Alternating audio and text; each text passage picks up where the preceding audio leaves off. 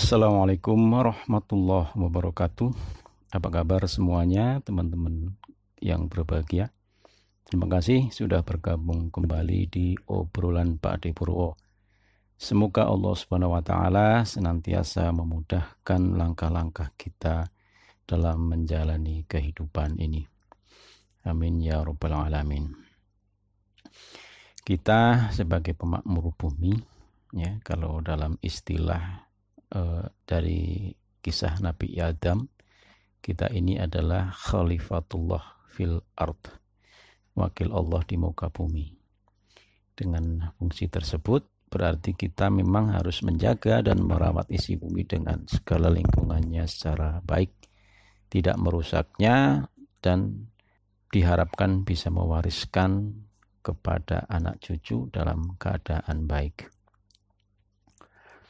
Teman-teman sekalian, pada edisi kali ini saya ingin ngobrol tentang jumlah penduduk Indonesia yang ternyata terus meningkat dari waktu ke waktu. Bahkan kata para ahli, periode sekarang inilah Indonesia telah mulai memasuki apa yang disebut sebagai periode bonus demografi. Kenapa? Sebab jumlah penduduk yang berusia produktif itu telah mencapai 70% dari total keseluruhan jumlah penduduk yang ada. Ya. Usia produktif itu yaitu penduduk usia 15 tahun sampai 64 tahun. Disebut bonus itu juga karena SDM yang tersedia melimpah banyak sekali. Bisa didaya gunakan tenaga kerja murah, dan sebagainya. Dan Indonesia diyakini akan bisa mengalami satu lompatan kemajuan yang besar atau kalau dalam istilah yang viral beberapa tahun yang lalu itu Indonesia akan meroket kemajuannya dengan adanya bonus demografi. Tetapi dengan catatan jika kita semua ya, bisa memanfaatkan bonus yang ada. Karena sebaliknya, jika kita tidak mampu memanfaatkannya, kita AB atau kita tidak bisa uh, mengambil bonus tersebut sebagai satu peluang, maka yang akan terjadi adalah bencana demografi. Ledakan penduduk yang sangat berpotensi menimbulkan berbagai problem kemiskinan, pengangguran, ya, eh, gangguan sosial dan sebagainya. Nauzubillahi min zalik. Teman-teman sekalian, ngomong-ngomong memang sudah berapa ya penduduk Indonesia saat ini jumlahnya? 135 juta penduduk Indonesia terdiri dari banyak suku 135 juta? Ya tentu tidak. Itu lagunya Bang Haji Roma ya. Lagu-lagunya yang syarat informasi dan nasihat. Memang dia bilang 135 juta penduduk Indonesia itu tahun berapa? Tahun 1976 ya lagu ini dirilis di album Soneta ke-6 tahun 1976 Nah, di dalam lagu ini memang Bang Haji Roma itu sudah menggunakan proyeksi nampaknya. Proyeksi perhitungan jumlah penduduk yang saat itu berdasarkan hasil sensus tahun 1971. Ya, di sana penduduk Indonesia sudah mencapai 119 juta. Nah, terus sensus berikutnya pada tahun 1980 itu mencapai 147 juta atau meningkat atau bertambah 24 persen. Nah, jadi pada tahun 76 penduduknya itu mencapai 135 juta. Itu saat itu ya, jadi luar biasa. Sudah 45 tahun lagu itu dibuat dan sekarang kadang-kadang kita masih mendengar lagu ini dinyanyikan. Nah, dan tidak hanya itu ya menariknya, karena ternyata jumlah penduduk saat lagu tersebut dirilis dibandingkan dengan jumlah penduduk saat sensus penduduk tahun 2020 kemarin pada bulan September ternyata pas eh, jumlahnya itu berlipat ya menjadi 270 juta jiwa.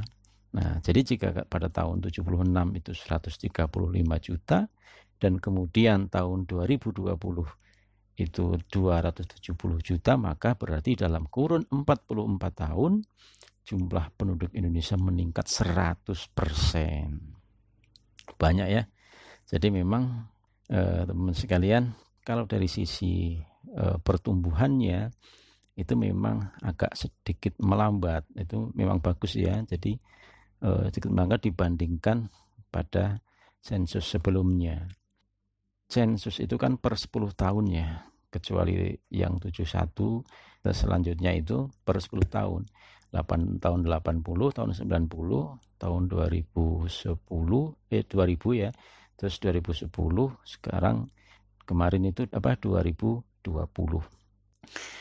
nah pada tahun 2010 itu jumlah penduduk Indonesia itu sejumlah 247 jiwa Berarti terdapat penambahan sekitar 32 juta jiwa sampai pada tahun 2020.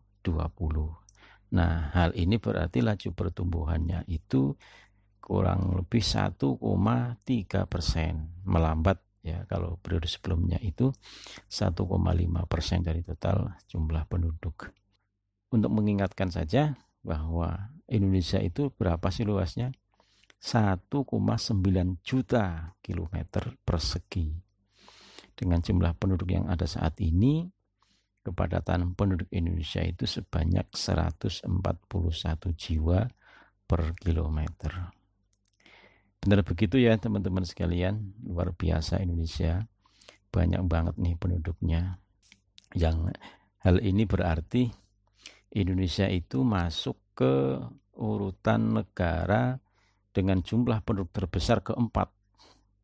Yang pertama Tiongkok, kedua India, dan ketiga Amerika Serikat. Penduduk Indonesia itu 3,4 persen dari total populasi dunia. Nah, dari jumlah 270 juta jiwa tersebut, ternyata 50,6 persennya itu ada di Pulau Jawa. Jadi rupanya dari tahun ke tahun ya penduduk Indonesia ngumpul di Jawa. Bagaimana enggak disebut ngumpul karena dengan total apa namanya luas yang hanya 7% dari luas Indonesia tetapi di dalamnya berisi 50% dari penduduk Indonesia. Ya. Mungkin wajar ya karena memang dari awal modal awalnya memang jumlah penduduk di Pulau Jawa memang paling paling banyak. Ditambah lagi dengan adanya peribahasa di Jawa, mangan ora mangan asal ngumpul. Ya,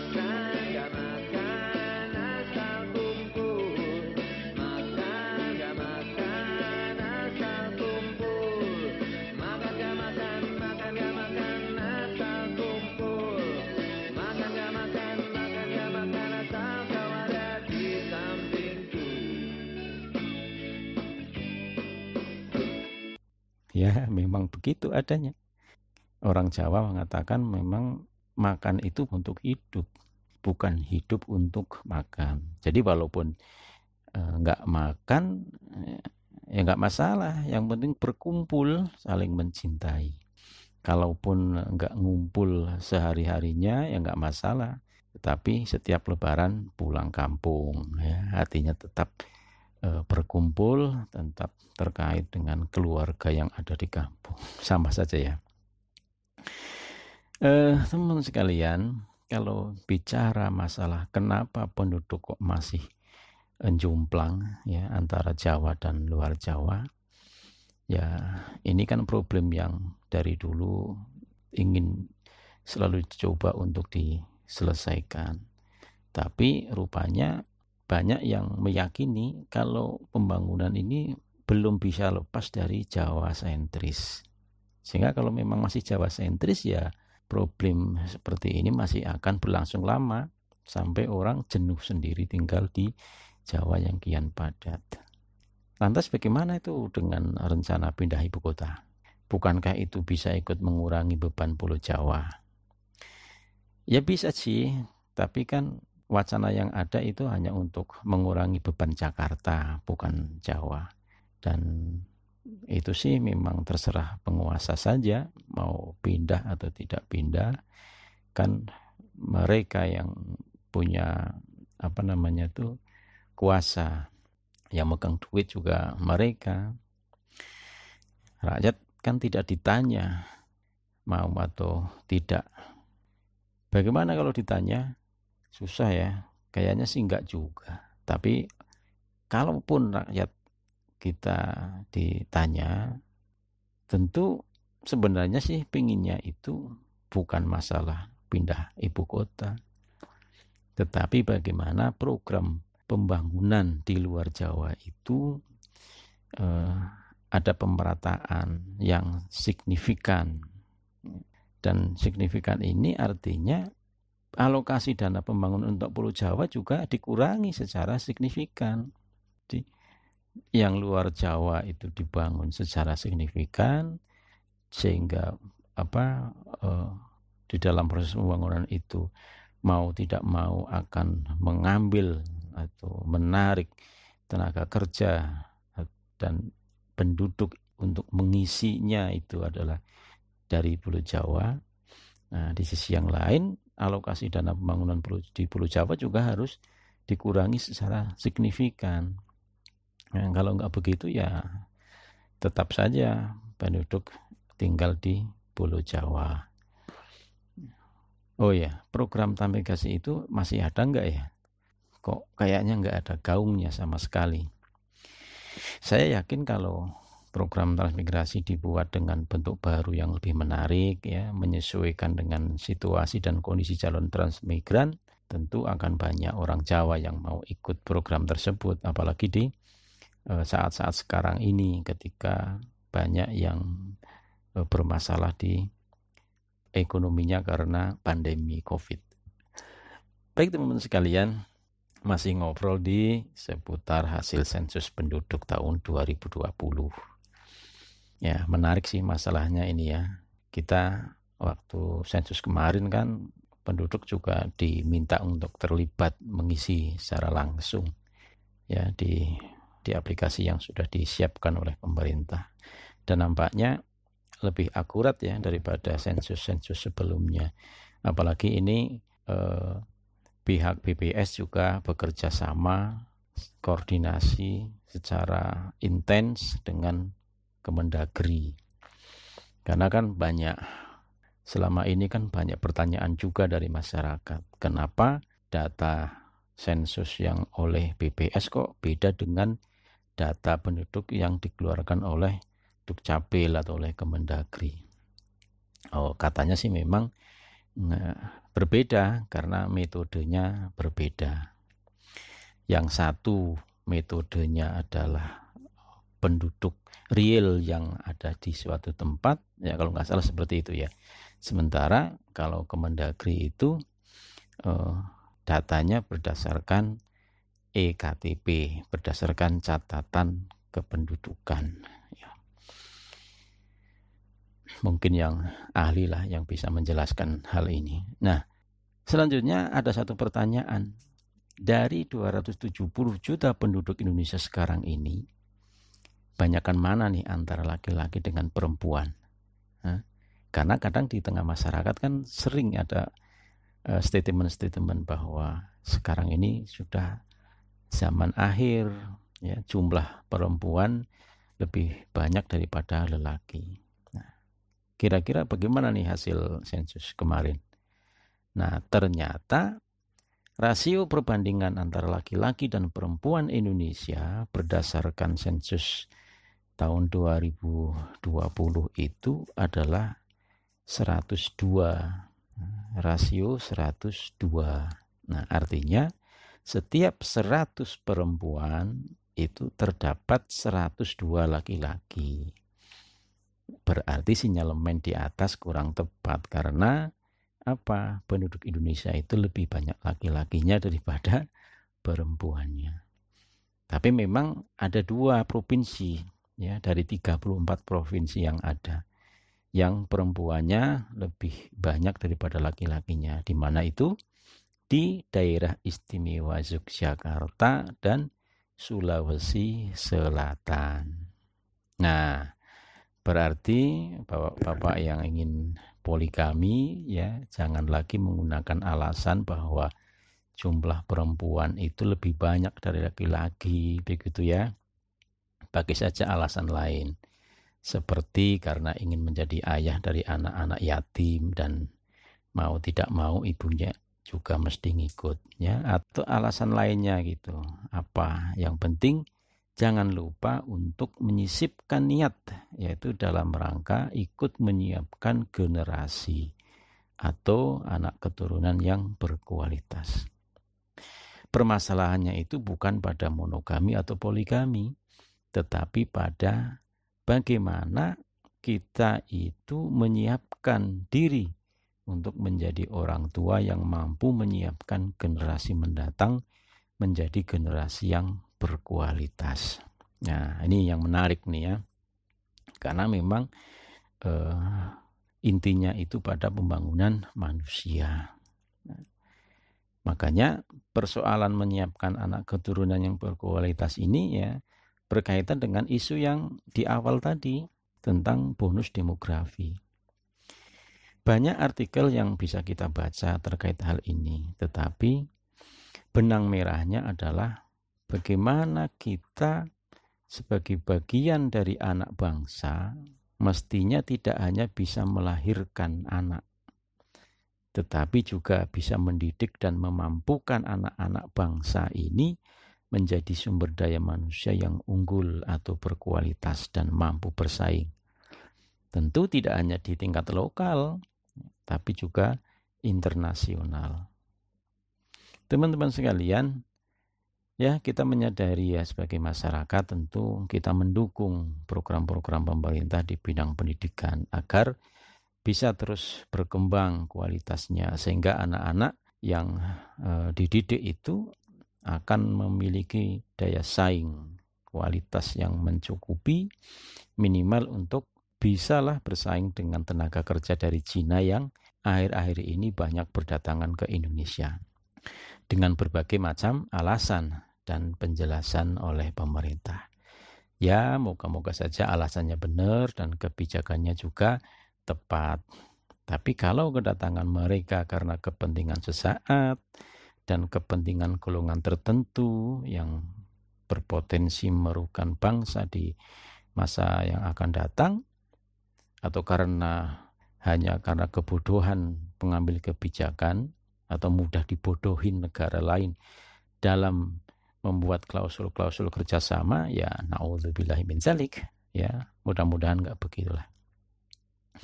Teman-teman yang berbahagia pemerintah telah berusaha keras ya, menjalankan program pendidikan dengan sebaik-baiknya dari pendidikan dasar, menengah, dan tinggi. Dan nampaknya terus berkembang walaupun secara ranking ya, masih harus ditingkatkan levelnya agar bisa bersaing di tingkat internasional. Kita percaya bahwa banyak pejabat dan para ahli yang memiliki kapasitas yang mumpuni ya, untuk bisa memikirkan dan membuat kebijakan-kebijakan yang terbaik bagi bangsa Indonesia. Tetapi di luar itu semua, saya sebagai orang tua ada satu hal sederhana yang menurut saya penting untuk diperhatikan.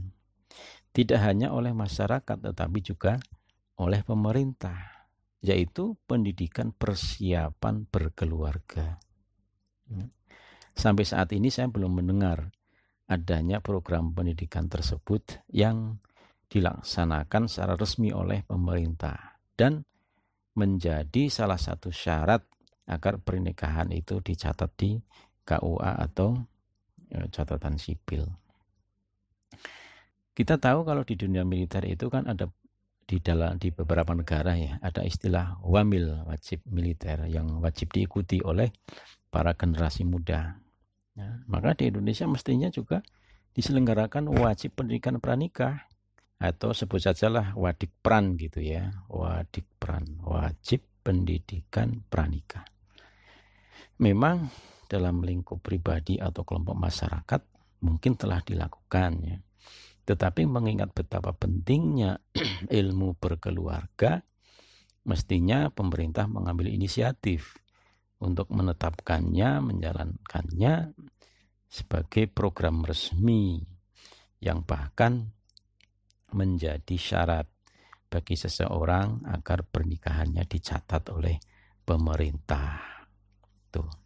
Ya, ya tentu oh, wadik peran ini kan tidak mesti harus dilaksanakan menjelang nikah, tetapi mungkin setelah lulus SMA, ya, atau mungkin ketika sedang men, apa, mahasiswa sebelum jauh-jauh hari sebelum menikah sudah menyiapkan diri mengikuti wadik peran dan sertifikatnya akan menjadi salah satu yang harus dilampirkan di dalam persyaratan. Bagi saya pribadi, gagasan ini sebenarnya sudah muncul sejak lama. Ya, masih muda lah ketika waktu itu bersama mahasiswa yang lain ya, sesama jamaah musola, itu secara rutin ngaji kitab Bulughul Maram bab nikah alhamdulillah tamat ya sampai beberapa pertemuan. Nah, dari ngaji kitab itu muncul hasrat menikah ya dan berpikir mestinya setiap calon pengantin sudah tamat ya ngaji bab nikah. Sebab di dalam pelajaran tersebut dibahas secara relatif lengkap dari proses mencari jodoh sampai terkait dengan hak dan kewajiban suami istri yang harus dikuasai oleh seseorang khususnya muslim ya dalam hal ini.